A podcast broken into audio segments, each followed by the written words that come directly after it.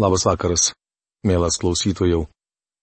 Šiandien toliau keliausime Biblijos puslapiais Senuoju testamentu mokytojo knyga. Devintas šios knygos skyrius. Prieš pradėdami apžvalgą, paprašykime Dievo palaiminimo. Dangiškasis tėve, dėkojame tau už tą malonę bendrauti su tavimi Ir tik tai dėl tavo sunaus, mūsų viešpaties ir gelbėtojo, Jėzaus Kristaus mes galime prieiti prie tavęs. Jo vardu yra atleistos mums nuodėmės ir mes įgyjome nuostabų bendravimą, draugystę su tavimi. Dėkojame tau, kad mes, tavo vaikai tikintys, galime nešti šitą išganomąją žinę viso pasaulio žmonėms. Ir aš meldžiu už tuos, kurie šiandien klausysis tavo žodžio ir jo aiškinimo, kad tavo žodis įtikintų kiekvieną iš mūsų, esant nusidėjėlį, nes mes tokie esame. Kad tavo žodžio dvasia viešpate prasiskverbusi į mūsų širdis, padarytų tą apvalomąjį, kitaip apipjaustomąjį darbą mūsų širdise. Padėtų mums daryti teisingus pasirinkimus gyvenime. Palaimink šį vakarą, atverdamas mūsų ausis, padėdamas mums suprasti tai, kas yra šiandien mums dovanota. Jėzaus vardu. Amen. Mokytojų knygos devintas skyrius. Iš tikrųjų, svarstydamas visą tai širdimi supratau, kad net teisiųjų ir išmintingųjų darbai Dievo rankose. Ar tai meilė ar neapykanta, žmogus nepajėgia suprasti. Mokytojo knygos devintos skyrius pirmą eilutę. Saliamonas sako, kad po saulę gyvenantis žmogus nesijaudina dėl ateities ir net nemasto apie amžinybę, nes nieko apie ją nežino. Juk toks pat likimas ištinka visus - teisųjį ir nedorėlį, gerąjį ir blogąjį, švarųjį apieigoms ir nešvarųjį, atnašaujantį auką ir net našaujantį aukos, tiek dorąjį, tiek nusidėjėlį, tiek žmogų, kuris prisiekia, tiek žmogų, kuris bijo prisiekti. Mokytojo knygos devintos skyriaus antra eilutė. Jam atrodo, kad nesvarbu, kuriuo keliu eiti. Šiaip ar taip visi keliai veda ten pat. Prisiminkite, kad tai nėra Dievo požiūris. Taip masto žmogus po saulę, stebėdamas panašių į save gyvenimą. Tarp blogybių vykstančių po saulę visų blogiausia tai, kad toks pat likimas ištinka visus. Vadinasi, žmonių širdys kupinos nedorumo, ir kol jie gyvi, kvailybė tykoja jų širdyje, o paskui jie nueina pas mirusiuosius. Mokytojo knygos devintos kiriaus trečia eilutė. Šitaip samprotaudamas mokytojas kelia klausimą, kam iš viso dirbti. Anot jo gyvenimas yra tik didelė loterija, o žmonės yra aplinkybių aukos. Žmogus, kuriam pasisekė kažką gauti, turėtų pasidalyti su kitu. Reikia pasakyti, kad panašias mintis skleidžia ir šio laikinės filosofijos. Socialinės lygybės idėja nėra Karlo Markso išradimas. Apie tai gerokai anksčiau mąstė Saliamonas. Iš tikrųjų žmogus gyvųjų draugėje turi viltį, verčiau būti gyvų šunimi, negu negyvų liutu mokytojo knygos devintos kiriaus ketvirta eilutė. Šie mokytojo žodžiai skatina mus valgyti, gerti ir linksmintis, nes anot jo rytoj mirsime. Tuomet nebus labai svarbu, ar žmogus išmintingas ar kvailas. Visgi geriau būti gyvų negu mirusių, net jei gyvenote kvailai. Verčiau būti gyvų šunimi negu negyvų liūtų. Jų gyvėjai žino, kad turės mirti, o mirusieji nebežino nieko. Nebėra jiems daugiau atlygio, net jų atminimas užmirštas. Mokytojo knygos aštuntos kiriaus penkta eilutė. Šiais žodžiais grindžiama tariama sielos miego teorija. Taip pat žiūrėkite dešimtą eilutę. Tačiau nereikėtų pamiršti, kad tai po saulę gyvenančio žmogaus pastebėjimai. Taip atrodo tam, kuris tiki, jog mirtimi viskas baigėsi, o po mirtinio gyvenimo nėra. Štai kodėl mokytojas sako, kad geriau būti gyvų šunimi, negu negyvų liutu. Šventajame rašte aiškiai parašyta, kas vyksta po mirties. Kūnas paguldamas į kapą ir lieka tenai miegoti, o Dievo vaiko siela iškeliauja pas viešpatį. Antro laiško korintiečiams penktos skyriaus nuo šeštos iki aštuntos eilutės apaštalas Paulius rašo. Todėl mes visuomet gerai nusiteikę, nors žinome, kad koliai gyvename kūne, esame svetur, toli nuo viešpaties.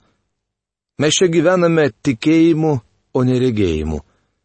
Vis dėlto esame gerai nusiteikę ir pasiruošę palikti kūno būstinę ir įsikurti pas viešpatį. Siela palieka kūno būstinę, iškeliauja pas viešpatį ir ten įsikūrė. Kūnai, kuriuose šiandien gyvename, yra tik mūsų žemiškosios padangtis arba palapinis. Vieną dieną mes juos paliksime. Taigi matote, sielos miego teorija yra nekrikščioniška. Jų meilė, neapykanta pavydas jau seniai pradingo. Niekada daugiau jie nebeturės dalies tame, kas vyksta po saulę. Mokytojo knygos devintos skyrius šešta eilutė. Tai liūdnas skyrius. Regis gyvenimas tuščias, betikslis ir beprasmis.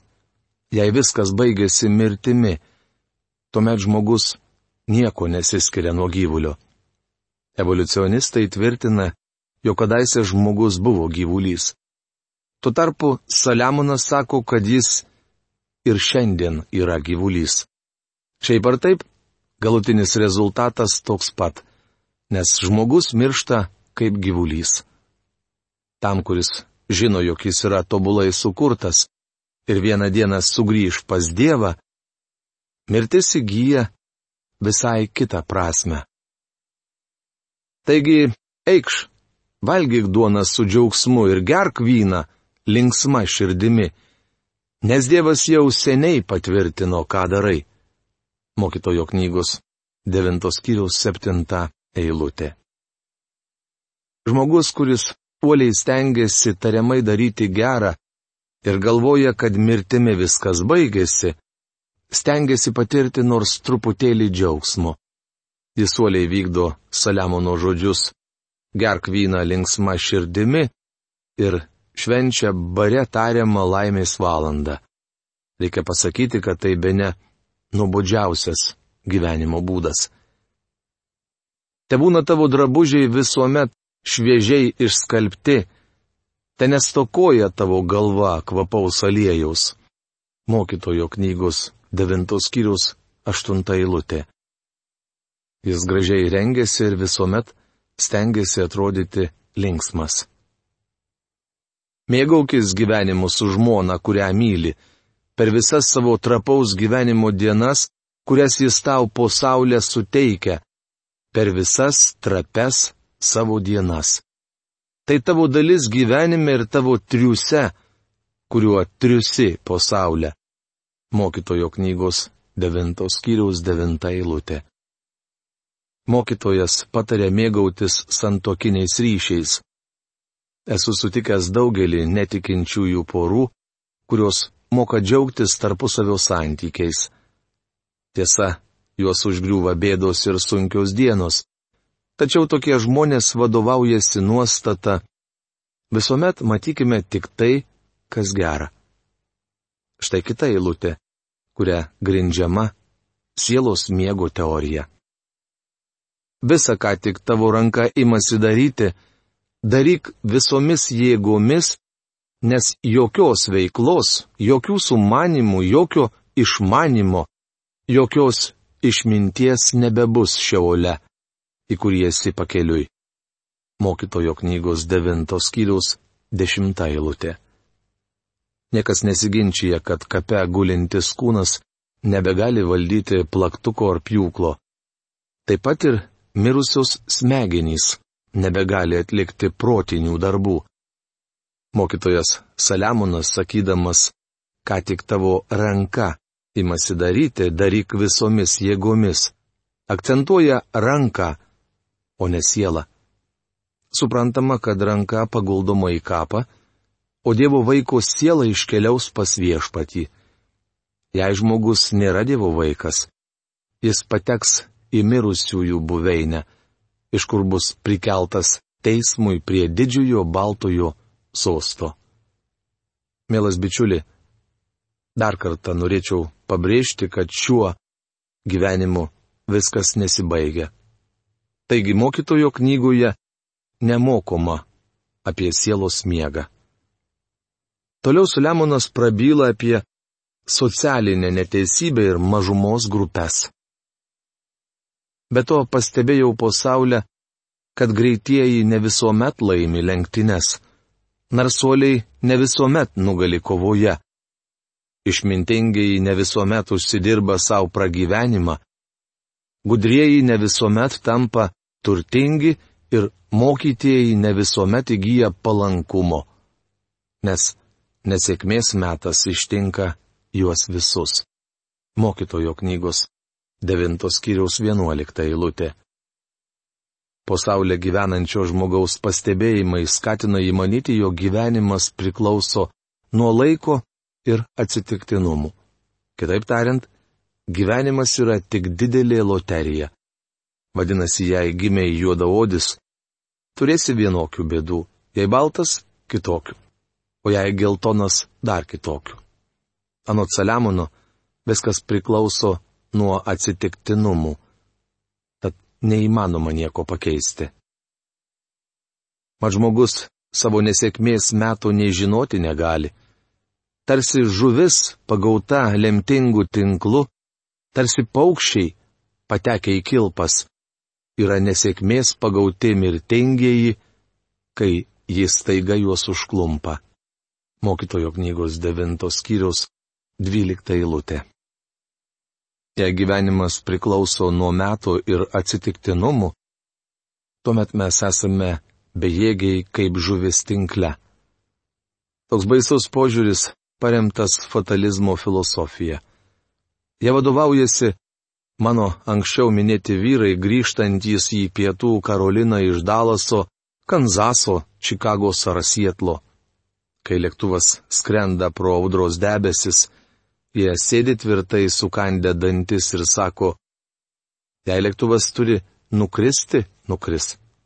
Jei išaušo lemtinga valanda, nieko nepadarysi. Žmogus yra tarsi tinkle įsipainiojusi žuvis.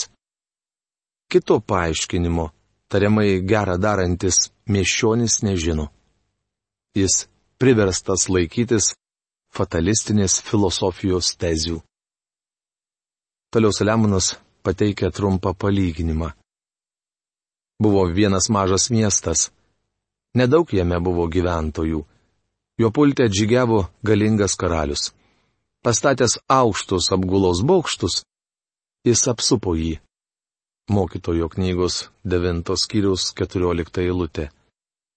Šie žodžiai ypač aktualūs tiems, kurie nori nuimti nuo prispaustųjų naštą ir ginti mažumos reikalus. Kągi, leiskit jiems pasakyti, jog iškils diktatorius. Galingas karalius atžygios prieš tautą, kuri nebesirūpina savo gynybą. Ta tauta visą laiką narplioja socialinės problemas, kurių neišgelbėti žmonės negali išspręsti. Reikia pasakyti, kad jie sprendžia gyvenimo problemas jau mažiausiai šešis tūkstančius metų ir dar nepajėgia jų įspręsti. Kiek dar laiko, jūsų manimų, Dievas turėtų duoti žmonėms, kad šie jas išnarpliotų? galingas karalius užims miestą, kurio valdžia nesirūpina gynybą. Tame mieste gyvenęs beturtis išminčius savo išmintimi išgelbėjo miestą. Bet vėliau šio beturčio žmogaus niekas netminė. Mokytojo knygos 9 skyriaus 15 eilutė. Kas tas žmogus išgelbėjęs miestą? Jo vardas išmintis, o išmintimi vadinamas Kristus. Jis gyveno šiame pasaulyje kaip beturtis. Jėzus apie save sakė, lapės turi urvus, padangių sparnuočiai lizdus, o žmogaus sunus neturi kur galvos priglausti. Taip rašoma Mato Evangelijos 8 skyriaus 20 eilutėje. Tad tariau, išmintis veiksmingesnė už nuogą jėgą, tačiau beturčio žmogaus išmintis nevertinama ir jo žodžių nepaisoma. Išmintingųjų ramiai tartų žodžių paisoma mieliau negu kvailių valdovų riksmo. Mokytojo knygos 9 skyrius 16-17 eilutės. Galiausiai pasaulis išgirs viešpatės Jėzaus balsą. Kristaus sugrįžimo metu jo balsas nugriaudės kaip arkangelų šauksmas ar trimito gausmas. Šiandien žemėje girdėti tik murmėjimas ir vapėjimas. Tačiau vieną dieną pasigirs viešpaties balsas. Išmintis vertesnė už karo ginklus, bet vienui vienas nedorilis daug gerą sugadina. Mokytojo knygos 9 skyriaus 18 eilutė. Šiais žodžiais Saliamonas apibendrina visą, apie ką kalbėjo šiame skyriuje. Jis sako, kad išmintis vertesnė už karo ginklus, o Kristus galingesnis už atominę energiją. Prieš daugelį metų man teko plaukti per vandenyną karalienės Marijos laivu. Niekada neužmiršiu ryto, kuomet pasiekėme Southamptoną. Norėjau pamatyti, kaip karalienė Marija įplauks į uostą. Todėl anksti atsikėliau. Kapitonas perplaukdė tą didelį laivą per milžinišką vandenyną, kuriame nėra jokių kelių. Kaip jam tai pavyko? Matote, kapitonas vadovavosi dėsniais, kuriuos prieš daugelį metų nustatė nežymus graikų filosofas, darbavęsis geometrijos rytyje. Taigi to laivo kapitonas vadovavosi Saliamono žodžiais - išmintis vertesnė už karo ginklus. Toje pačioje eilutėje Saliamonas sako, kad vienui vienas nedorilis daug gerą sugadina. Vienas žmogus gali padaryti visuomeniai didelę įtaką, ypač jei jo pavyzdys neigiamas. Tokių pavyzdžių žmonijos istorijoje gausu. Adomas nusidėjo ir jo nuodėmė paveikė visą žmoniją. Tik sužinoję Ahano nuodėmę ir jį nubaudę, Izraelitai galėjo laimėti pergalę. Rehabeamo nuodėmė suskaldė Izraelio karalystę. Ananijo ir Safyros melagystė buvo pirmoji ankstyvosios bažnyčios įda. Nuo tos dienos bažnyčia nebebuvo tokia stipri kaip iš pradžių. Mes su jumis taip pat darome arba blogą, arba gerą įtaką. Kad ir kas bebūtumėte, esate įtakingas. Apaštalas Paulius laiško romiečiams 14 skyriaus 7 eilutėje rašo, kad ne vienas iš mūsų negyvename savo, ne vienas savo nemirštame. Kiekvienas žmogus, be išimties, yra pamokslininkas. Kartą tai pasakiau vienam alkoholikui. Jis gyveno kartu su savo motina netoli bažnyčios, kurioje man teko tarnauti. Motina labai sielojosi dėl savo berniuko ir paprašė manęs papasakoti jam apie Kristų. Vieną dieną atsivedžiau tą vyrą į savo studijų kambarėlį. Jis mėgdavo išgerti, bet nebuvo panašus į girtuoklį. Pasakiau jam, kad jis skaudina savo motiną ir kad jo gyvenimas nekingas bei tuščias. Vyras ramiai priėmė mano žodžius. Tuomet paklausiau, ar žinai, kad esi pamokslininkas? Po šių žodžių vyras pašoko ir grasinamai pakėlė skumšti, išpiškino, kaip drįstate vadinti mane pamokslininku.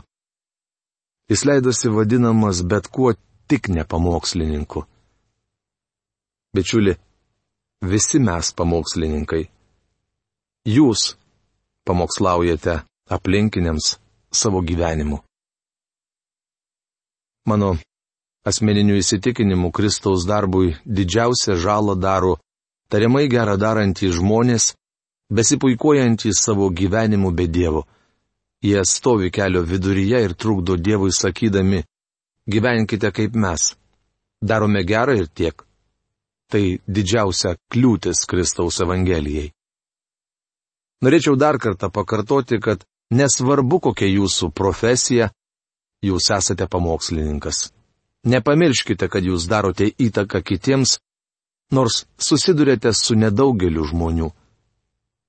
Prisimenu istoriją apie tėvą, kuris grūdų aruodę laikė didelį viskio indą.